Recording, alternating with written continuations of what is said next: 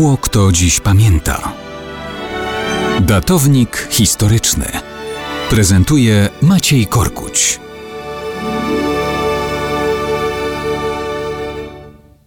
Można mieć nadzieję, że całkiem niemało osób dzisiaj pamięta, że mamy 27 września, czyli Dzień Polskiego Państwa Podziemnego.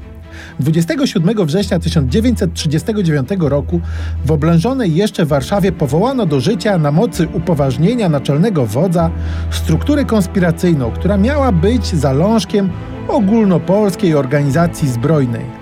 Służba Zwycięstwu Polski, której działalność potem kontynuował Związek Walki Zbrojnej, przemianowany jeszcze później na Armię Krajową, to nie była jednak zwykła organizacja.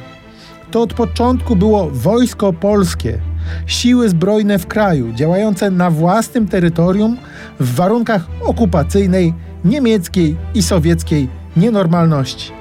One, jak też struktury cywilne polskiego państwa podziemnego, były integralną częścią polskiego państwa, Rzeczypospolitej Polskiej, tej, której stulecie odrodzenia obchodzimy.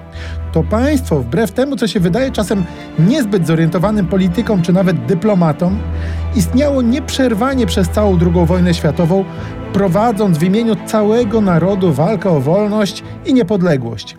To dlatego każdy żołnierz Armii Krajowej składał przysięgę na wierność prezydentowi Rzeczypospolitej Polskiej, który, choć czasowo, jak sądzono, przebywał na obczyźnie, uosabiał całą społeczność obywateli Rzeczypospolitej Polskiej.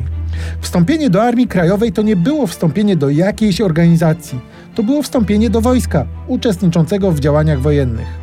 Były wprawdzie różne inne organizacje walczące o niepodległość, narodowe, ludowe, jednak dopiero po staleniu z Armią Krajową stawały się częścią sił zbrojnych Rzeczypospolitej Polskiej. Zupełnie inna bajka to komuniści zależni od ZSRR czy UPA, choć złożone częściowo z polskich obywateli dążące do walki o zupełnie inne cele.